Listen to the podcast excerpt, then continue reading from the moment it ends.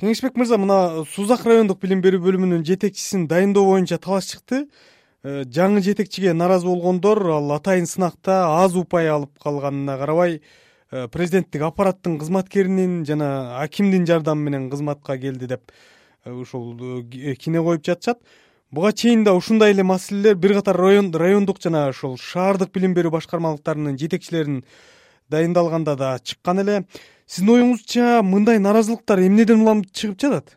Мен өзүм деле э, эрнест мырза э, бир эки жолу ошол э, райондук билим берүү башкармалыгын дайындоодо кыйыр көрүп калдым эле да. Кантип өтүштү анан кийин ошол жерде эң негизги эле проблеманын баардыгы бул ачыктык ачыктыктын жоктугунан чыгып атат го деп ойлойм да. Себеби ал жактан келген жанагы аким көрсөткөн кадрлардын баардыгын тактабай көрсөткөн же болбосо бирөөнүн камчысын чаба турган жанагы кээ бир учурларда жанагы э, шайлоо мезгилинде жардам берди активдүү деген башка бир критерийлер менен окуу процессине тиешеси жок. Канчалык деңгээлде ошол билим берүүгө Э, кошкон салымы барбы же салымы жокпу ал деген э, критерийлер бир аз артта калып көбүнчө саясий анан кийин тууган урук анан мына деген критерийлер көбүрөөк бел байланып келип калгандарын көрүп калдым эле да. Эми баардыгы эле айланып келип ошол нерсе эгерде ачык боло турган болсо райондун деңгээлинде болсо деле бир алгылыктуу ишти жасаган ошол билим берүү системасынын алдына алып кете турган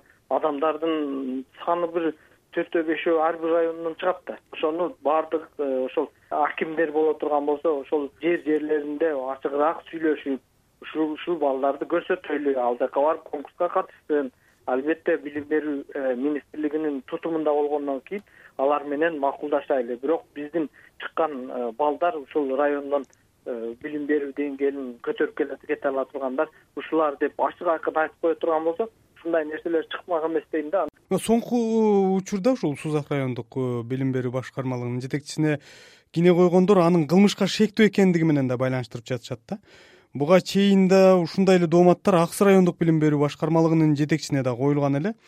Кез кезде мектеп же мындай бала бакча жетекчилерине карата да ушундай соттолгон же кылмыш ишине аралашкан дегендей дооматтар айтылып калып атпайбы эмнеге өкмөт ушул билим берүү тармагына ушундай сөз ээрчиген шек жараткан кадрларды алып келүүдөн чочулабайт анын эки нерсеси бар деп ойлойм эрнест мырза. Биринчиси ошол алдын ала түзүлгөн кандидаттардын тизмесин тактай баштаган мезгилде жергиликтүү деңгээлдегилер өтө э, маалымдайт да мисалы үчүн э, мисалы үчүн ар бир экөөбүздүн деле районубуздан келгендерди кимиси соттолду кимисинин иши каралып калды кимиси ак кимиси так аны эл жергиликтүү эл көбүрөөк билет да. Анан кийин бул жака ошондой нерсени тактабай жөнөткөндөн кийин анын бишкектен анча мынча такталбай кетип кала турган болсо баары барып э, ушул жерде э, турган билим берүү министрлиги өкмөттүн баардыгына көзү жабылып калып атат деп ойлойм. Анан экинчиси жанагы мен э, сөздүн башында айткандай кандидаттарды көрсөткөн мезгилде тилекке каршы ошол билим берүү системасына тиешелүү критерийлер тандалганда негизги жанагы саптын алдында турбастан ар кандай ушул шайлоодо иштеп бере алат иштеп койду ушундай бир кызматы өткөн деген э, башка критерийлер билим берүү системасына тиешеси жок критерийлер биринчи э, сапка туруп калгандыктын дагы кесепети болот. Негизи эле ошол акыркы мезгилде мындай көпчүлүк тармактарда кадр маселесине байланыштуу нааразылыктар көп болуп келатпайбы? Сиздин оюңузча ошол билим берүү боюнча райондук билим берүү башкармалыктарынын жетекчилик кызматтарына кандай кадрлар дайындалыш керек? Менин оюм боюнча бул көйгөй бүт э, кыргыз республикасына тиешелүү эле көйгөй да кайсы тармакты алсаңыз деле ошол эле көйгөйлөр чыгат. Кадр маселеси бүгүнкү күндө тилекке каршы эң чоң кризиске капталган э, саясаттын бирөөсү кадр саясаты болуп калды тилекке каршы. Кээ биркилер ошол мисалы үчүн э, ар кандай жолдор менен тезирээк ушундай жетекчилик э, орундарга ракетадай учуп кетип атышат а кээ биркилөр болсо өзүнүн өмүрүн берсе дагы мындай жетекчилик э, орундарга жеткенге мүмкүнчүлүгү жок болуп калып атат алыска кетпей көбүнчө биз кээде көбүнчө учурда жанагы союз мезгилиндеги ностальгия катары эстеп жүргөн кадр саясатын эле салыштырып көрөйлү макул жаман жактары көп э, албетте советтер союзунун. Бирок дагы бир жагы жакшы эгерде сиз э, ошол мугалим болуп баштай турган болсоңуз кандайдыр бир э, келечекте министр боломун деген бир кыялдануубуз орундалганга мүмкүнчүлүк боло турган система бар болчу да.